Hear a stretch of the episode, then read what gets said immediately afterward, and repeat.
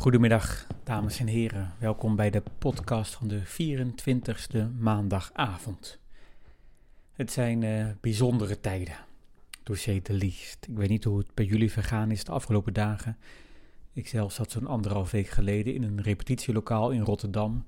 Toen mijn telefoon langzaam begon vol te stromen met steeds verontrustender berichten. Ik probeerde mijn telefoon uit te zetten, er niet op te letten, maar toch bleef ik kijken. Wat een paniek, dacht ik zelfs. Om vier uur klopte er iemand op de deur en zei: Alles is gecanceld tot minstens 31 maart. Het voelde een beetje als een film, die, dat moment, die dag. Een beetje een slechte film. Of misschien meer zoals uh, 9-11. Je weet dat op het moment iets groots aan het gebeuren is, iets aan het veranderen is, iets dat gevolgen zal hebben, maar je weet toch niet zeker welke gevolgen, hoe lang die gevolgen merkbaar zullen zijn. Vandaag is het 23 maart. Zitten we er middenin. De paniek van de eerste twee dagen is bij mij alweer wat weggeëpt. En uiteindelijk redelijk gestabiliseerd rond een uh, stevige, maar behapbare bezorgdheid. We zullen zien wat er nog op ons af gaat komen. Deze podcast gaat verder niet over corona. Deze podcast gaat over de liefde. En in deze bijzondere tijden is het ook een bijzondere podcast. In februari hadden we namelijk de 24e maandagavond in ons eigen huis. En op die 24e maandagavond werkte het chique nieuwe opnameapparaat dat we hadden aangeschaft nog niet naar behoren. Dus was ik aangewezen op een iets wat ouderwetse Zoom, eentje waar ik nu ook in praat, die ik in de zaal had neergezet. Helaas voor mij, voor u ook, had ik die gezet naast de ventilator van een ouderwetse geluidstafel. Zo'n geluidstafel met een ventilator. Dat klinkt ongeveer zo. Ik heb nog uh, vijf uh, dingen te zeggen over de liefde. En dan gaan we. Dan speelt Casper nog één lied. Je hoort het publiek, je hoort ze lachen. Maar je kunt er toch niet echt goed naar luisteren. Dus daarom besloten wij, Suzanne en ik en de rest, om in deze quarantainetijden het gewoon nog eens op te nemen. Ieder van ons vanuit ons eigen huis. Zonder publiek, zonder lach, enkel een microfoon, een stem en de tekst die we hadden geschreven voor de grote liefdeseditie van de maandagavond. In deze podcast hoort u dus uh, Fien Leijsen met een professionele microfoon, Suzanne Grotehuis die tegen haar laptop praat en ik die in dit ventilatorloze zoomapparaatje praat. En tussendoor en daaromheen hoort u de ongelooflijke zang van Casper Schellingerhout. Maar we beginnen met Fien Leijsen. In theorie. Een one-night stand, van het eh, Engelse one-night stand, is een kortstondig, eenmalig seksueel contact tussen individuen, waarbij minstens één van de betrokkenen geen directe plannen heeft voor het vestigen van een seksuele verhouding op langere termijn. Het essentiële onderscheid tussen een one-night stand en andere seksrelaties is de verwachting of de bedoeling van de relatie. Het dagdeel waarop dit plaatsvindt is daarbij betrekkelijk irrelevant. Er zijn diverse mensen die er falikant tegen zijn. Deze laatste groep uh, vindt het steeds vaker voorkomen van one-night stands een logisch gevolg van wat zij noemt het verval van normen en waarden in het Westen. Een in deze groep vaak gehoord argument is dat de echte liefde zo langzaam verdwijnt en een eindeloze zoektocht naar de perfecte partner wordt. Dat, dat heb ik van Wikipedia. De praktijk. Ik lig in een bed dat niet het mijne is, naast een man die niet de mijne is. En ik vraag mij af of iemand ooit van iemand. Hij slaapt en ik lig wakker. Het is vier uur s'nachts, maar dat is verder uh, irrelevant. Ik vroeg hem amper een uur geleden nog: wat nu eigenlijk de bedoeling was, of de gang van zaken. Of ik nu na de seks die wij zo net hadden, uh, gewoon weer naar huis zou gaan, of hoe werkt dat eigenlijk, zo'n one-night stand? Hij lachte. Hij had het duidelijk al eerder gedaan. Ik weet niet of ik dat uh, troostend of teleurstellend vond. En hij fronste zijn wenkbrauwen. Hij zei dat ik gek deed, dat ik nu uiteraard gewoon bleef slapen, toch? Naast hem, in het bed dat niet het mijne was. Het leek mij even waarschijnlijk als het tegenovergestelde. En zodra hij zijn ogen sloot, dacht ik aan wat er tegenover stond. Dat het vertrek en het blijven voor mij evenwaardige en allebei logische conclusies waren. Dat hij evengoed had kunnen zeggen dat, dat ik gek deed, dat ik nu uiteraard gewoon naar huis ging, toch? Ik staar naar zijn plafond. Wit. Vergeeld. En ik denk aan hoe ik nu liever in mijn eigen bed zou liggen. Waar ik een paar jaar geleden nog de liefde bedreef. Alsof het een werkwoord was. Alsof je het gewoon kan doen, de liefde. En wij deden het. En terwijl wij naar uh, adem of naar woorden zochten, keken wij heel vaak naar de kleine bolletjes die ik tegen het plafond geplakt had. Ze gaven licht in het donker. En wij keken uren naar boven en hij vroeg waarom het bolletjes waren. En ik zei dat is een realistisch sterrenstelsel. En hij zei dat dat een weinig romantisch antwoord was. Nu liggen wij op geheel romantische wijze, de man van één nacht en ik. Zijn ene arm onder mijn nek en zijn neus rustend op mijn sleutelbeen, alsof hij zich nestelt in mij, en zijn rechterhand op mijn linkerborst. Op geheel romantische wijze deden wij net nog alsof. In elke beweging zag ik ons de liefde simuleren. Als twee kinderen die huisjes spelen. Als jij zo ligt en, en ik zo, dan zijn wij de liefde. Ik heb de slaap al lang opgegeven, zonder het echt te proberen.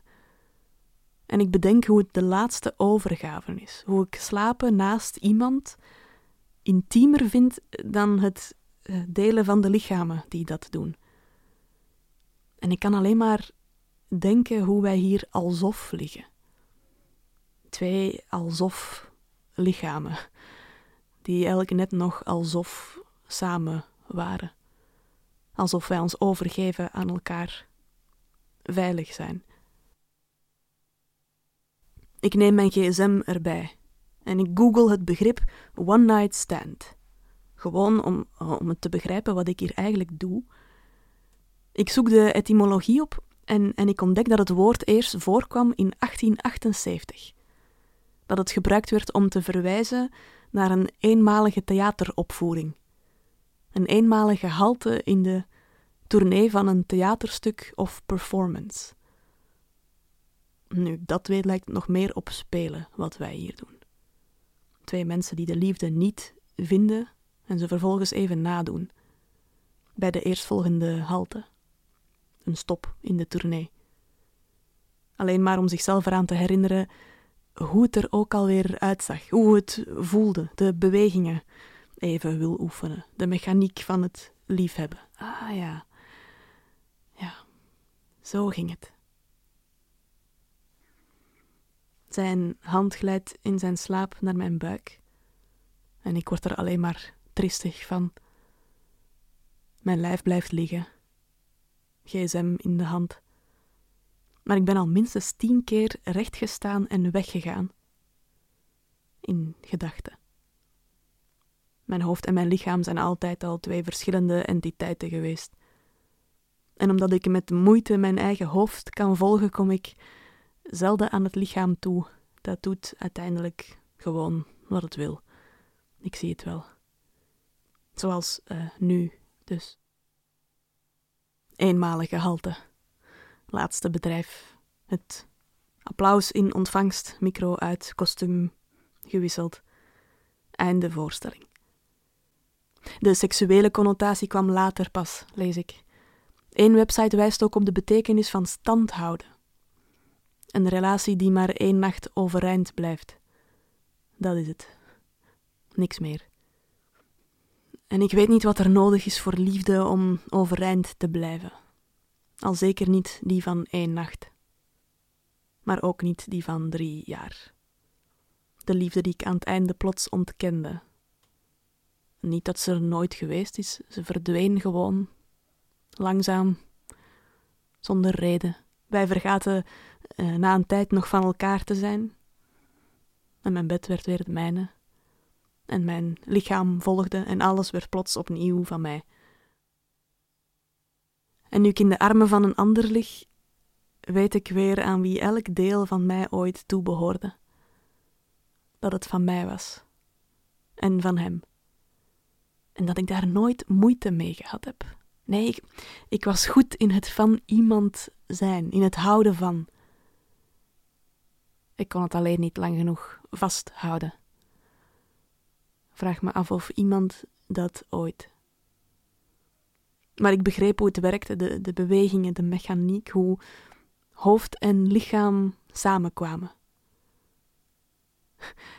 Ik zocht nog nooit eerder liefde op op Wikipedia.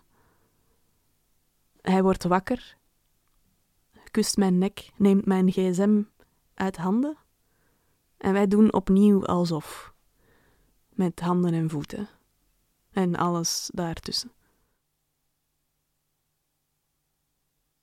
Wanneer onze plakkerige lijven tegen elkaar aankruipen en wij ons zuchtend neerleggen bij het gebrek aan liefde, vraag ik hem: Wat is eigenlijk jouw motivatie? Ik vraag het uh, zonder moeite, alsof het eerder uit nieuwsgierigheid dan uit eender wat komt. Uh, misschien is dat ook zo. Wij staren nu allebei naar een leeg plafond. En niemand heeft het over sterren. Er geeft niks licht af in het donker. En hij fronst opnieuw. Hij lacht een beetje. Hij snapt de vraag niet zo goed. Mijn motivatie? Ik realiseer me dat het woord meteen doet denken aan lastige sollicitatiegesprekken en bijbehorende cv's en, en brieven. En ik wil die connotatie vermijden, maar ik bedenk dan dat dat precies is wat ik wil weten. Het liefst had ik ook nog die motivatiebrief en die cv, nu we dan toch bezig zijn. Want ik weet, besef ik, betrekkelijk weinig over hem. Hij zegt: Dat is een gekke vraag. Hij zegt: Je denkt te veel na over de dingen. Hij zegt: Ik vind je mooi en leuk. Hij zegt een reeks dingen die ik alweer vergeten ben, die ik onmiddellijk vergat nadat hij ze uitsprak. Ik vraag hem waarom ik hier lig en niet uh, de blonde vrouw die we zagen achter de bar. Het grappigste antwoord zou zijn: ja, omdat zij nog moest werken. Maar we zijn ernstig en, en hij wil al mijn twijfel wegpraten, trekt mij naar zich toe, alsof het helpt. Alsof. En ik besef dat elk antwoord onvoldoende is. Dat het alleen de liefde is die ik begrijp. Alleen de liefde is waarin de vraag waarom ik zo zelden voorkomt. Dat al de rest ruis is, een tussenstop, een halte onderweg. En dat ik het liefst altijd in één trek doorreis om tot mijn bestemming te komen. Dat ik overeind wil blijven langer dan één nacht. Dat wij alleen maar bij gebrek aan beter bij elkaar belanden dat ik dat een slechte reden vind. Een, een weinig romantisch antwoord. Hij blijft proberen, maar hij besluit dan dat niks nog helpt. Dat ik voor alles tegenargument verzin. Dat het de perceptie is, dat hij hier geen verdediging kan voeren. Hij gebruikt woorden als eh, aantrekking en, en vurig en hier en nu. En ik zeg dat ik de liefde nodig heb. En hij vraagt wat dat is, maar wat is dat dan, liefde? Is dat niet gewoon betrokkenheid, verliefdheid, vriendschap? Ik zeg dat ik het woord nog nooit heb opgezocht, dat ik het ook niet weet. Maar dat het al die dingen is. Een realistisch sterrenstelsel. Iets wat licht geeft in het donker. Lichamen die hoofden volgen, samenvallen. En toch vooral stand houden.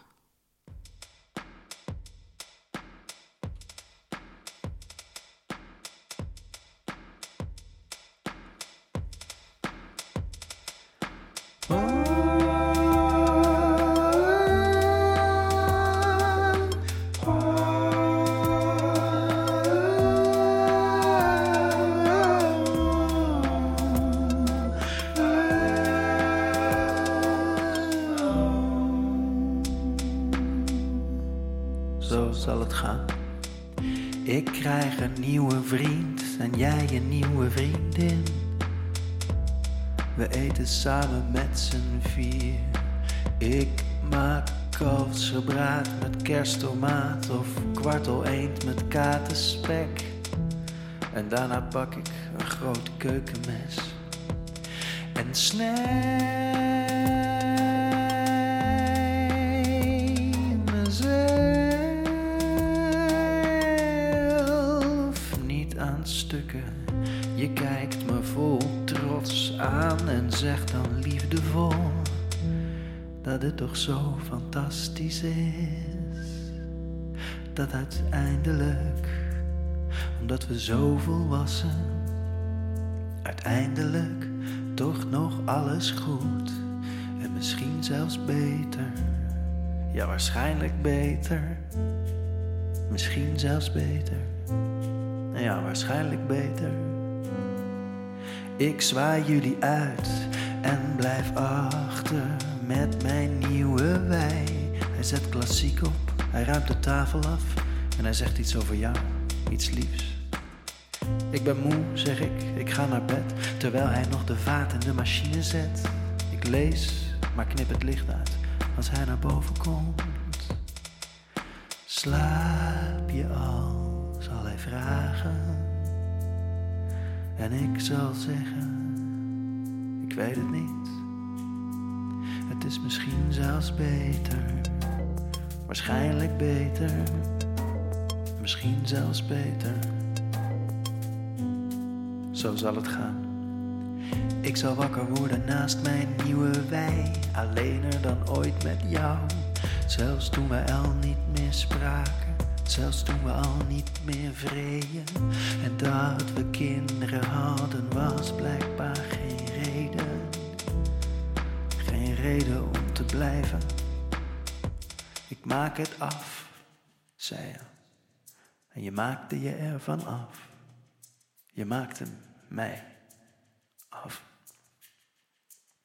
En het is niet dat ik je mis. Het is meer dat ik alles kwijt ben zonder jou. En het is niet dat ik je terug wil. Maar ik wil zo graag terug naar het begin. Naar de toekomst die we deelden. Als we samen droomden. Als we samen sliepen. Toen wij nog samen sliepen. Het was misschien beter. Waarschijnlijk beter. Misschien beter. Ja, waarschijnlijk beter.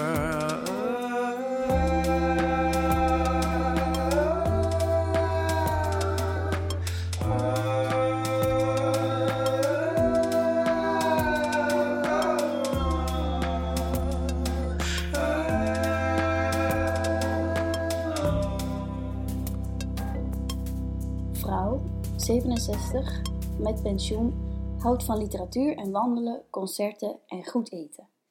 Beetje zoals iedereen dus eigenlijk, behalve dan dat dit mijn moeder is en ze echt 67 is en inderdaad van literatuur en wandelen en goed eten houdt.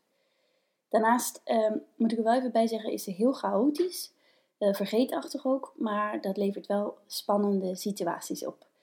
Saai is het leven met mijn moeder nooit. Ehm, zoekt man of vrouw om af en toe het leven mee te delen. Haar telefoonnummer is 06 5568 4455. Beste mensen, eh, ik heb deze contactadvertentie geschreven voor mijn moeder en ik ga die eh, binnenkort plaatsen in de Groene Amsterdammer.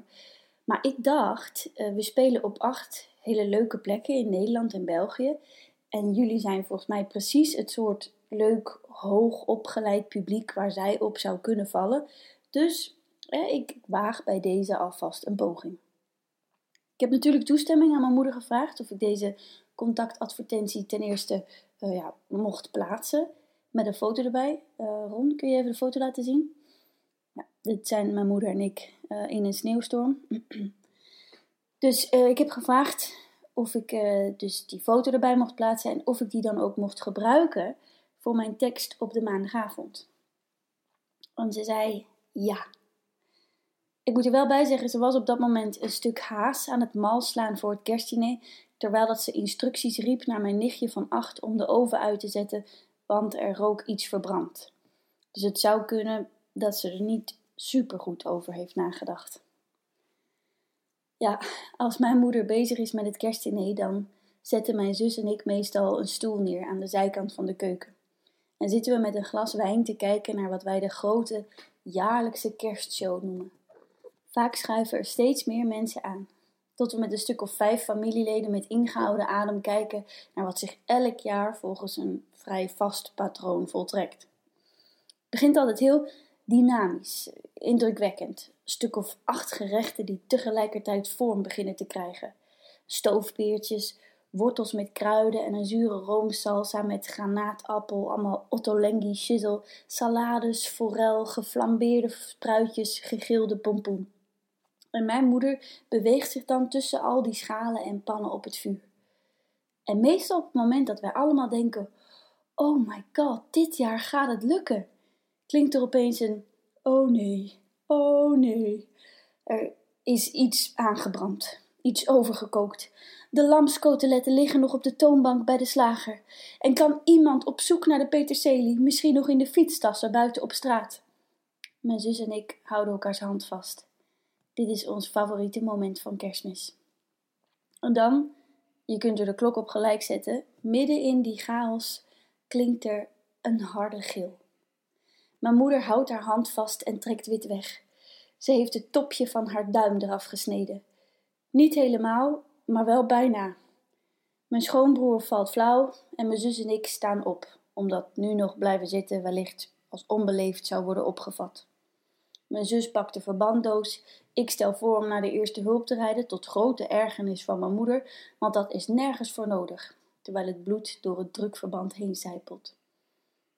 Kortom, ik kwam maar even zeggen: kerstmis is het ideale moment om mijn moeder ergens toestemming voor te vragen. En dat ik een contactadvertentie heb geschreven voor mijn moeder is niet helemaal op eigen initiatief, want een paar dagen voor kerstmis zei ze namelijk opeens dat het misschien weer eens tijd werd voor liefde.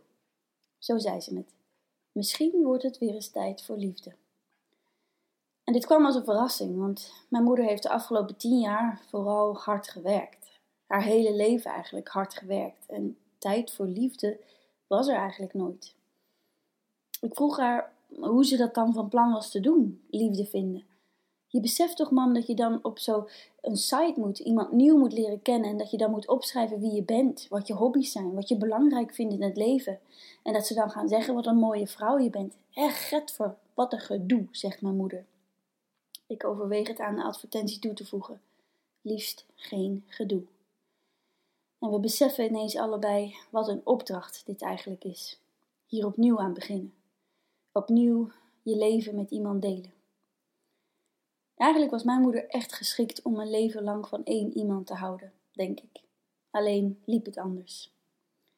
Mijn ouders, twee moeders en een homoseksuele vader, lang verhaal. Kortom, een doorsnee gezin uit Amsterdam, jaren tachtig. En zoals dat gaat met doorsnee gezinnen, gingen ze toen mijn zus en ik klein waren uit elkaar. Het is meteen ook mijn eerste herinnering. Ik ben 2,5 jaar oud, zit met mijn zus bovenaan de trap en ik hoor mijn moeder roepen: Doe het niet. Alsjeblieft, ga niet weg. En dan mijn andere moeder met de rug naar ons toe, haar lange zwarte haren nog onder de kraag van haar spijkerjas geklemd, de handen in de zakken, verstijfd. Misschien omdat ze voelde dat dit het moment was waarop je niet anders kunt dan voor eeuwig stil te blijven staan, als een dier in de koplampen totdat je jezelf uit dat moment moet losrukken en je daarmee het beeld waar je in stond gebroken achterlaat. Het leven waar je net nog in stond, gebroken achterlaat. 21, 22 en ze doet het. Ze trekt zich los, zet een stap om mijn moeder heen en loopt weg. Het is voorbij. En ik zie dit heel precies voor me, zonder dat iemand me dit ooit heeft naverteld. Dus ik weet zeker dat het een herinnering is. Wat gek is, want eigenlijk heb ik heel weinig herinneringen aan mijn jeugd. Ik weet niet hoe dat bij jullie zit, maar het valt me altijd op als ik Freek hoor praten over wat hij allemaal meemaakte vroeger. En een psycholoog legde mij eens uit dat een herinnering alleen kan worden gemaakt als je je bewust bent van wat je op dat moment voelt. Dus hoe groter de emotie, hoe duidelijker het beeld. Kortom, als je niet precies weet hoe je je voelt, dan is de kans groot dat je die gebeurtenis als een soort slecht opgeruimde archiefkast later niet meer gaat kunnen terugvinden. En vanaf dat hele duidelijke moment aan de voordeur weet ik eigenlijk vrij weinig. Ik weet dat ik in de jaren daarna een keer een wespensteek in mijn rechterbeel had, die mijn moeder er dan uitzoog, wat ik grappig vond. Ik weet dat mijn vader doodging, net als onze katten, meneer Abel en Louise.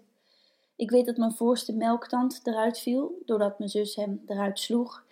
En dat ik een dam heb gebouwd in een rivier in Zwitserland. Dat is het wel zo'n beetje. Verder is het gissen en van horen zeggen. Pas later, als ik ga studeren in Antwerpen, heb ik weer echt een, een duidelijke film. Hoe gek denk ik wel eens. Dat ik dus eigenlijk niet echt weet wie ik daarvoor was. Hoe ik me voelde, wat ik leuk vond. Hoe vond ik het in ons nieuwe huis? Hoe vond ik de nieuwe liefdes van beide ouders? Hoe waren de vakanties, de weekenden? Hoe was het met ons vier? Eerst een rotsvast verbonden geheel en toen ineens los van elkaar. Zou het kunnen dat ik dit niet weet, omdat het me nooit is gevraagd? Niet door een ander, maar vooral niet door mezelf? Zou het kunnen dat zowel mijn gezin als ik nooit hardop vragen hebben gesteld? Ik moet denken aan een vragenlijst die ik eens tegenkwam. Het bleek een, een wereldwijd bewezen methode te zijn om verliefd te worden. Kennen jullie die? Dat zijn 36 vragen. Je moet die aan elkaar stellen. Of je moet er een aantal uitkiezen die aan elkaar stellen. En dan oprecht antwoord geven en elkaar daarna twee minuten lang in de ogen kijken. En dan ga je van elkaar houden. Het werkt echt, blijkbaar. En ik heb die vragen gelezen. En het is zo simpel dat je je niet kunt voorstellen dat iedereen hier zo verbaasd en enthousiast over is. De, dacht ik. Dit zijn 36 vragen naar hoe iemand zich voelt. Vragen waarbij je niet anders kunt dan je kwetsbaar opstellen. Vragen over wie je bent, je dromen, wat je belangrijk vindt. En blijkbaar, als iemand daar een half uurtje de tijd voor neemt, is dat zo ongelooflijk speciaal vandaag de dag dat je tot over je oren verliefd wordt. En ik werd daar ineens zo droevig van. Blijkbaar zijn we het zo niet gewend om ons inhoudelijk en emotioneel met elkaar te verbinden, dat we het inmiddels als een soort magie of tovertruc zijn gaan beschouwen. En ik merk dat bij het schrijven van deze tekst voor de maandagavond over liefde, een tekst waarvan ik dacht dat hij over daten tussen 60-plussers zou gaan, met veel goede grapjes en voorbeelden, dat ik vooral bij deze gedachte blijf steken.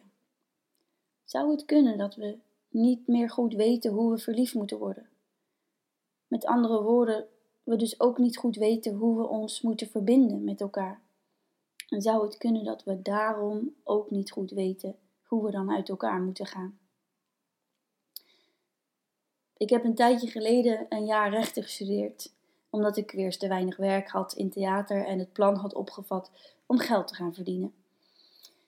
In ieder geval, bij mijn eerste les die ik had in een aula met 300 studenten, zei de professor Eén op de twee gezinnen gaat scheiden en dat levert mij en mijn collega's heel veel geld op.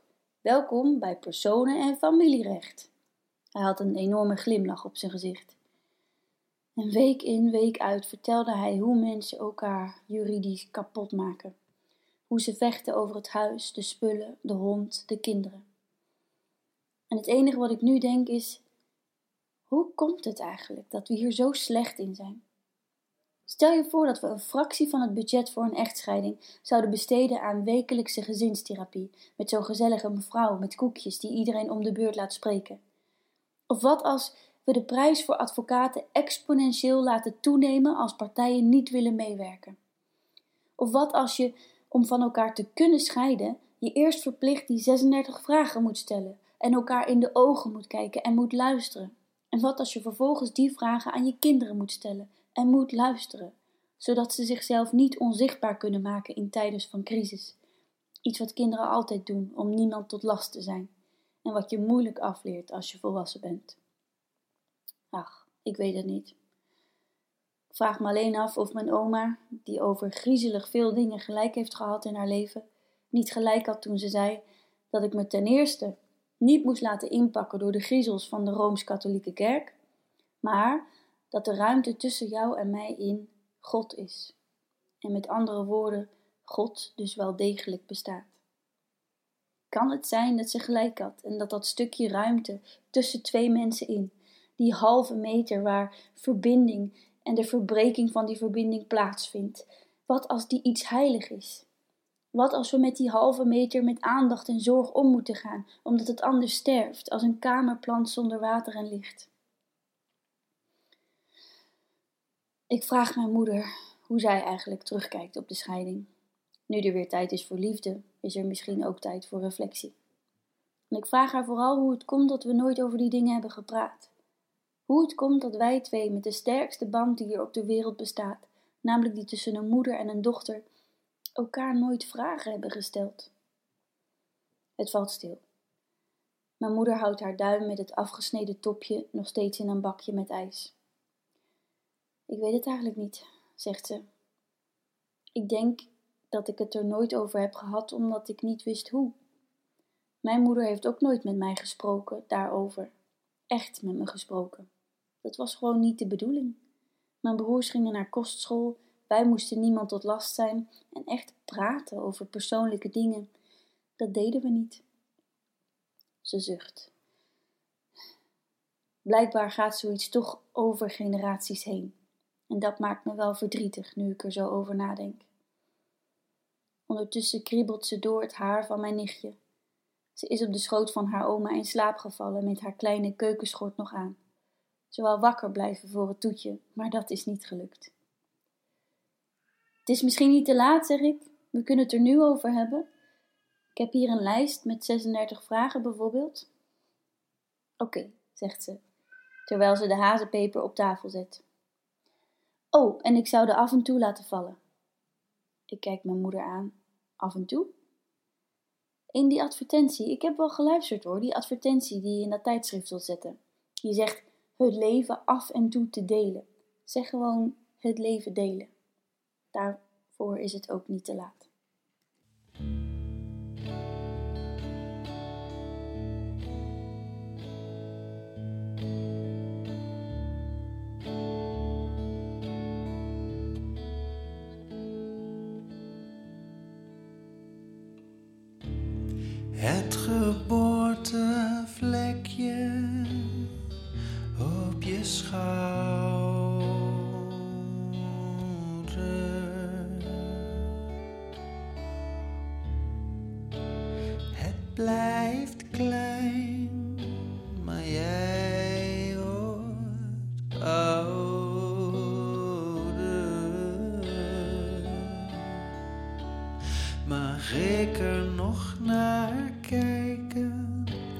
Jij straks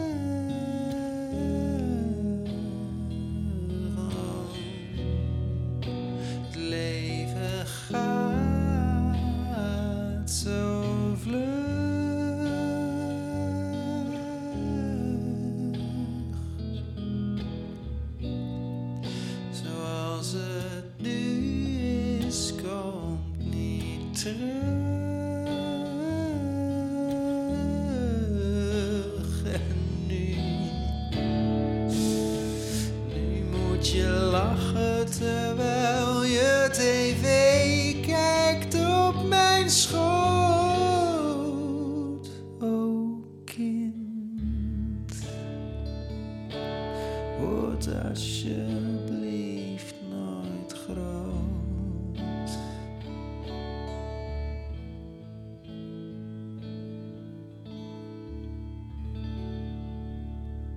Eén.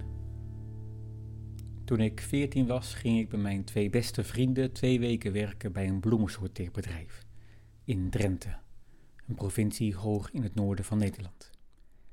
Het was zomervakantie, wat zeker op mijn veertiende altijd de spanning van een grote belofte in zich droeg. En we zouden op de camping in de buurt staan en dan ochtends erheen fietsen en smiddags waren we al om vier uur vrij, dus dan hadden we de hele avond op een camping, zonder ouders. Wat een vrijheid. Die camping bleek de achtertuin van een boer, waar de enige andere twee gasten een ouder Duits koppel in een caravan was. En dat in de buurt bleek uiteindelijk elf lange fietskilometers verderop, langs een recht saai kanaal tussen niets en minder, met tegenwind en kou, wat betekende dat we ochtends om zes uur op de fiets moesten zitten en dat we om vijf uur doodmoe bij ons tentje terugkwamen, waarna we moesten koken op zo'n klote ding en slapen. Het werk zelf bestond eruit dat we de binnengebrachte bloemen moesten sorteren op groot, middel en klein. Groot, middel, groot, middel, middel, klein, groot, klein, groot, middel, middel, groot. Acht uur lang. We stonden in een grote schuur aan lange tafels in rijen achter elkaar, zeker zo'n 80, 14, 15-jarigen, die allemaal graag twee weken vakantie wilden inleveren in ruil voor 4 gulden 50 per uur. We probeerden het gezellig te maken onderling, speelden taalspelletjes en quizjes, terwijl ik de grote klok die voorin de schuur ging probeerde vooruit te kijken.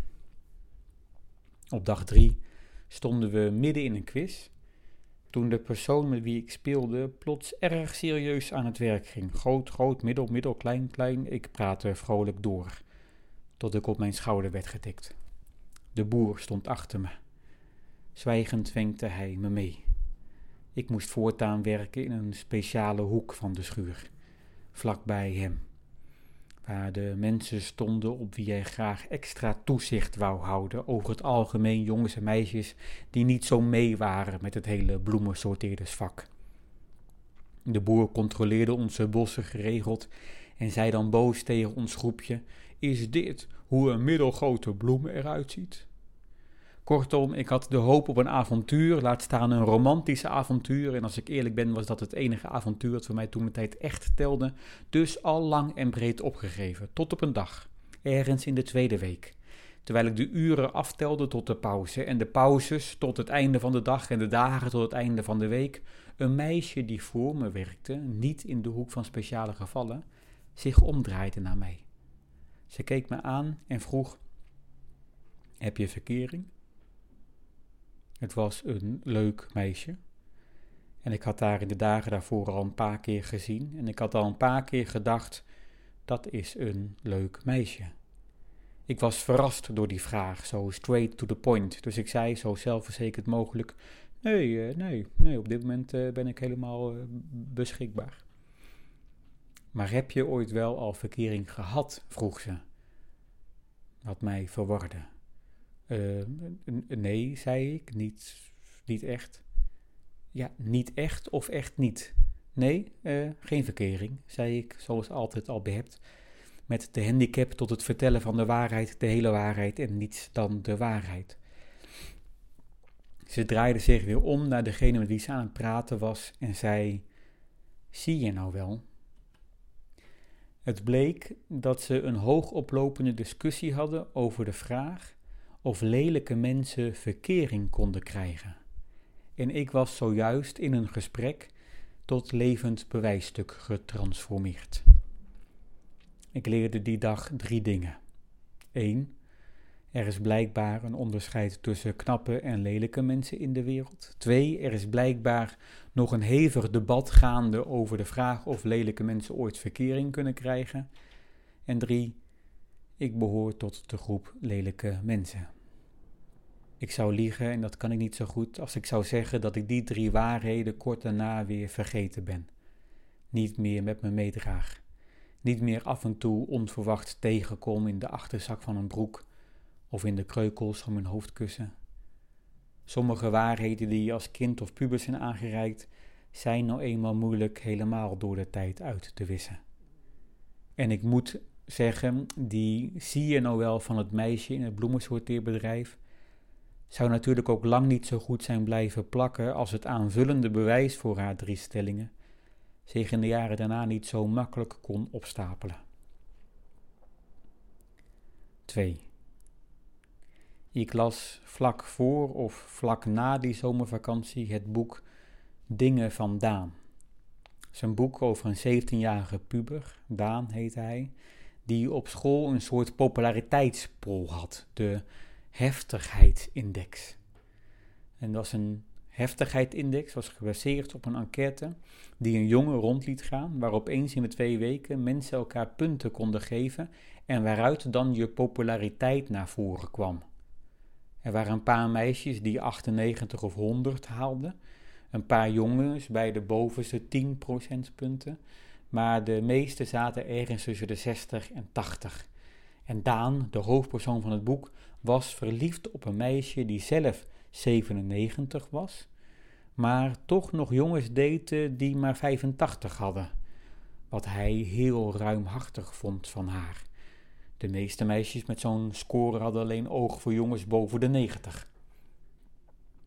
Ook in mijn nieuwe klas op de middelbare school, zeker in de eerste drie jaar, toen er nog geen groepjes waren gevormd door de klasse heen, maar iedereen gedwongen was zich te verhouden tot het geheel van de toevallige 30 mensen kinderen in zo'n klaslokaal, was er duidelijk sprake van mensen met meer en mensen met minder aanzien en dat wij geen daadwerkelijke populariteitspool, geen heftigheidsindex hadden, betekende niet dat hij niet bestond. Het was alleen onuitgesproken. En voor iemand die onderaan die lijst bungelde en nooit wist wat hij nu precies fout deed, was dat niet bestaan misschien nog wel onveiliger en bedreigender dan als er echt een lijst was geweest waarop je je naam kon vinden en je dus wist waar je aan toe was. Bij het boek Dingen vandaan kon je een nieuw kapsel nemen en meteen 10 punten stijgen op de heftigheidsindex. Of met een nieuwe broek op school komen, waardoor je 5 punten zakte om vervolgens simpelweg die broek nooit meer aan te doen, je te herstellen van je fout. Bij mij was dat anders.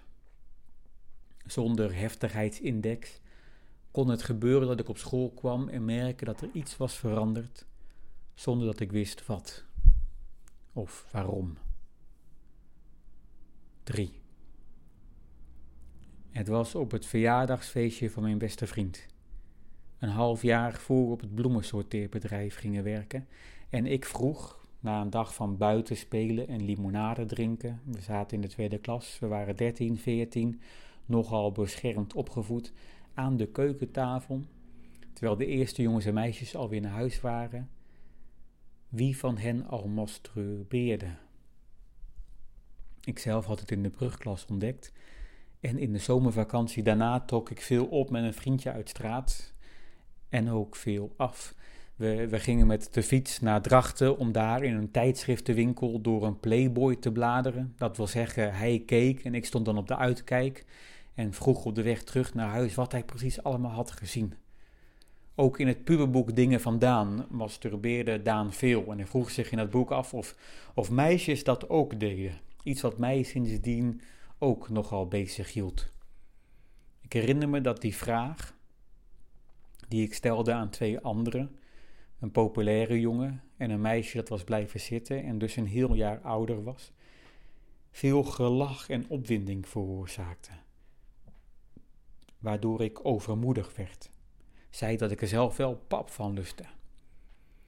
Ik dacht in hun ogen te zien dat zij het ook deden, maar het niet durfden te zeggen en het misschien wel stoer vonden dat ik dat wel durfde, waardoor ik nog overmoediger werd en verder ging met praten. Ik bleef maar praten en zij zeiden niets. Ze lachten alleen maar. Of eigenlijk, we lachten alleen maar, dacht ik. Toen ik de dag erna op school kwam, was er niets veranderd. Het was in de weken daarna dat de verschuiving steeds duidelijker werd, dat er gelachen werd zonder dat ik wist waarover.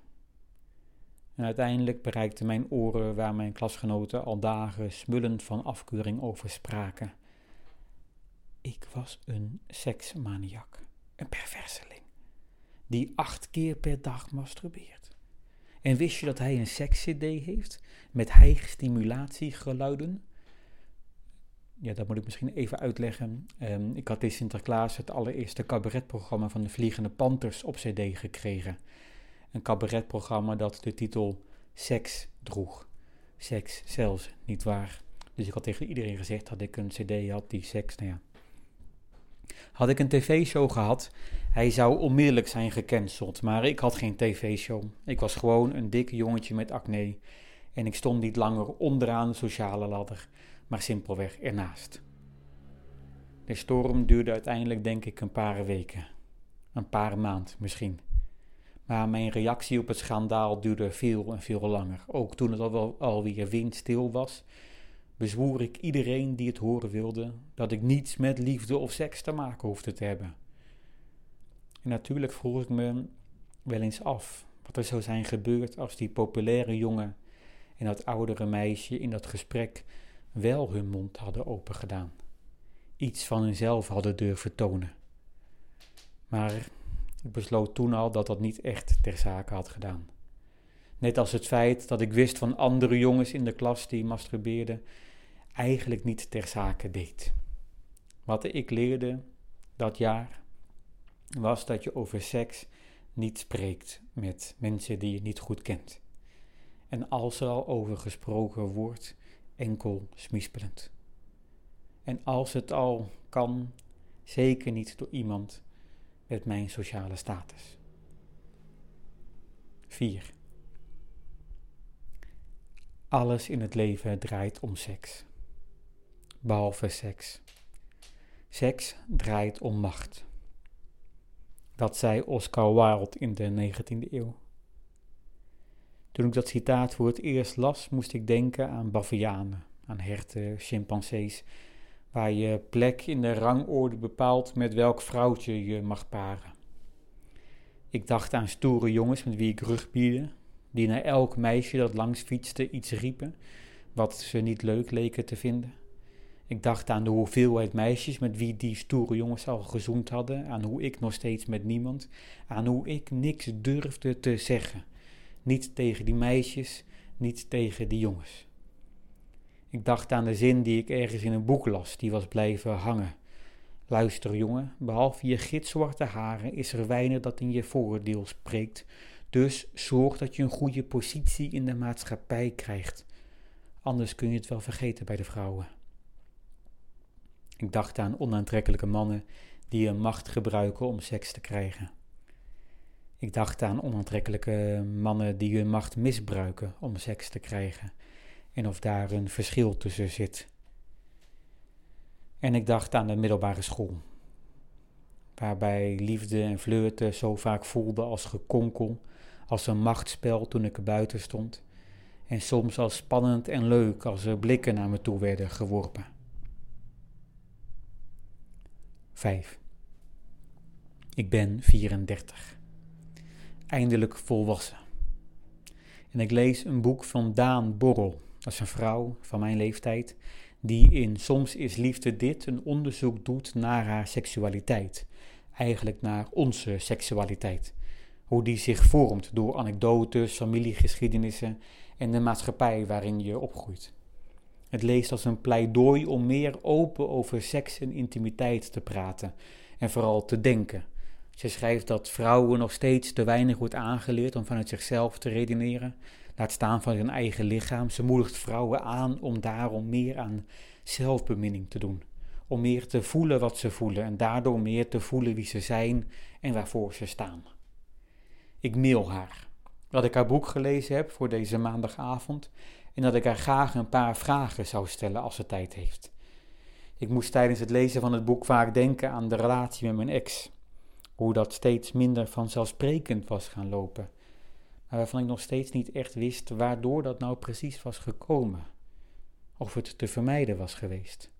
Of iemands blaam trof of niet. Was het misschien anders gelopen met meer openheid? Een week later zit Daan Borrel aan mijn keukentafel. We drinken twee potten thee en door haar openheid voelt het al gauw vertrouwd, als iemand die ik van vroeger ken. Ik wil met haar praten over die openheid, of zij denkt dat het voor iedereen is weggelegd, of dat het misschien ook te maken heeft met je positie in de maatschappij, je positie op de heftigheidsindex. We praten over haar boek, over haar nieuwe boek dat net verschenen is, over kickboksen, yoga, testosteron, oestrogeen, over macht en over seks. En dan vraag ik haar naar die openheid. Wat vond je bijvoorbeeld van, uh, van Louis C.K., vraag ik. Louis C.K. is een comedian die twee jaar geleden, toen de hashtag MeToo losbarstte, ook in het nieuws kwam. En misschien was het wel omdat ik zo'n fan was van zijn werk, dat ik van alle MeToo-verhalen zijn verhaal het moeilijkste vond om direct te plaatsen op het spectrum tussen, tussen verkrachting, chantage enerzijds en flirten met, en seks tussen gelijkgestemden anderzijds. Hij had uh, tegen twee beginnende vrouwelijke comedians die naar zijn hotelkamer waren gekomen na een show, had hij gezegd dat hij zin had om te masturberen. En hij had gevraagd of zij het goed vonden. Misschien had hij zelfs gevraagd of ze het leuk zouden vinden als hij dat zou doen in hun bijzijn. En die twee vrouwen hadden ja gezegd en hij had het gedaan. Louis gaf toe dat het zo was gegaan, waarop zijn productiemaatschappij hem ontsloeg. En de film die de week erna zou uitkomen werd afgeblazen, net als zijn tour en alle series waaraan hij aan het werken was. Wat had hij volgens jou beter uh, anders moeten doen, vraag ik aan Daan. Ze glimlacht, denkt, kijkt even opzij. Kijk, zegt ze, als het een leraar was die dit aan een leerling had voorgesteld, of een therapeut aan een patiënt, of een politieman aan een gevangene, of een volwassene aan een kind, dan is het helemaal niet zo moeilijk toch om hem te zien wat er fout was aan wat Louis deed. Dat is denk ik gewoon de kern, dat er sprake was van een ongelijke machtsverhouding. Hij, een van de machtigste, de rijkste, bekendste comedians, en zij, twee beginnende vrouwen die ongelooflijk naar hem opkeken. En als Louis C.K. wist dat die machtsverhouding ongelijk was, zegt ze, dan is het mijn inziens helemaal niet zo moeilijk om hem te plaatsen op dat spectrum. Dan is het gewoon hartstikke fout. En, en als hij het niet wist, als het voor hem gewoon een vraag was tussen twee volwassenen, dan kleeft er wellicht iets tragisch aan. Maar dan nog had hij uiteindelijk beter zijn best moeten doen om te herkennen dat het een ongelijke situatie was. Met macht komt extra verantwoordelijkheid, zegt ze. Zelfs als hij niet gevraagd heeft om die ongelijkheid. Zelfs als het voor hem als iets gelijkwaardigs voelde. Het was niet eerlijk naar die twee vrouwen toe. En als ze dat zegt, begint er langzaam in mijn hoofd iets te dagen. Ik realiseer me dat ik eigenlijk altijd vooral zo'n fan was van zijn shows, omdat ik ze zo eerlijk vond. Zo eerlijk over zijn onkunde, over zijn ploeteren, zijn verlangens, zijn gedachten. Ik vond dat bevrijdend om te horen, alsof er een beetje lucht kwam bij iets dat te lang en te hard was dichtgedrukt. En het voelde nu ergens toch alsof hij buiten de groep werd gegooid door een onhandige openheid over zijn verlangens. Maar, denk ik nu, Misschien was hij op die hotelkamer inderdaad open geweest, maar niet eerlijk. Niet eerlijk naar zichzelf althans, niet eerlijk over zichzelf en dus niet eerlijk naar hen. Want natuurlijk voel je je misschien soms nog een jongen van 14 die niet mee mag doen met de wereld, of een jongen van 16 die te lelijk is voor een hoge score, op de heftigheidsindex. Maar als je inmiddels een volwassen man bent met een carrière en een positie, is dat misschien wel helemaal niet iets om te koesteren. Niet iets schattigs. Geen excuus. Niet eerlijk. Daan schenkt zichzelf nog een kop thee in. Ik denk op zich ook wel dat Oscar Wilde een punt heeft hoor, zegt ze. Dat seks en macht op heel veel plekken aan elkaar gekoppeld zijn in onze maatschappij. Maar dat is zeker niet iets wat we zo hoeven te houden. Het is geen wet, geen vaststaand feit. Het hoort bij onze maatschappij, niet bij onze biologie, daar ben ik van overtuigd. En ik denk zelf, zegt ze, dat we nu, en misschien wel dankzij MeToo, in de mogelijkheid zijn om andere waarheden en wetten er tegenover te zetten, tegenover die van Oscar Wilde. Wat dan, vraag ik. Misschien om te beginnen dat niet alles in het leven draait om seks. En dat niet alle seks draait om macht. Dat er toch ook iets als liefde bestaat en aandacht en eerlijk durven zijn naar jezelf en dan open voor de ander in plaats van enkel open naar. Twee uur later hebben we afscheid genomen en zit ik in mijn eentje aan de keukentafel. Ik bekijk oude klassenfoto's op zoek naar wie ik was. Mijn vriendin komt thuis en gaat naast me zitten. En, vraagt ze, heb je nog iets geleerd over de liefde? Ik kijk op, denk aan het meisje in het bloemensorteerbedrijf, aan het buitensluiten op het schoolplein, aan mijn ex, aan Louis C.K. Misschien wel, zeg ik. Misschien wel vooral dat het uh, tijd is om een aantal dingen los te laten. Waarheden van 14-jarige pubers bijvoorbeeld. Ik kijk haar aan. En een aantal andere zaken op tijd met heel veel aandacht heel goed vasthouden. Vlieg me naar de maan, dans met mij onder de sterren. Laat me zien hoe lente is op Jupiter en verder. Wat ik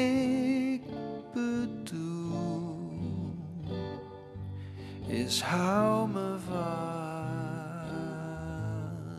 Wat ik bedoel oeh, is kus me.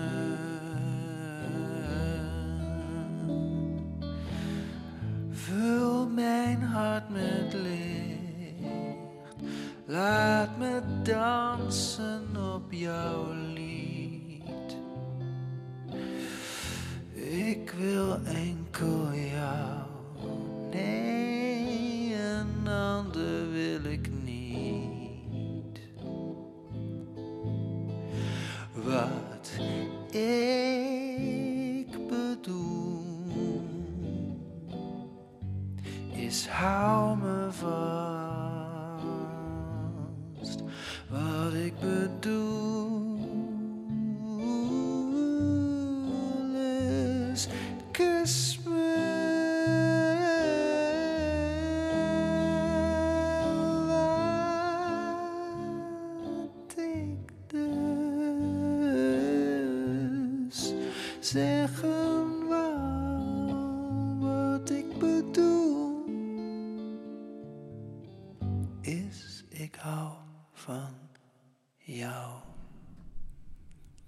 Dit was de podcast van de 24ste maandagavond. U hoorde Fien Leijzen, Casper Schillingenhout, Suzanne Groothuis en mezelf, Freek Fiele. IJs en Wener dienende zijn weer terug op 4 mei 2020 in ons eigen huis. Een maandagavond die nu al de toepasselijke titel heeft, De Terugkeer. We hopen dat u er zult zijn, we hopen dat wij er zijn, we hopen dat we er allemaal nog zijn. Uh, heeft u in die tussentijd nog vragen? Dan kunt u mailen naar info.denieuwetijd.be De nieuwe tijd.be Dus de nieuwe tijd.be En u kunt zich natuurlijk abonneren op ons Spotify of iTunes kanaal of dit delen met uw vrienden op Facebook. Wij hopen u heel graag uh, live terug te zien.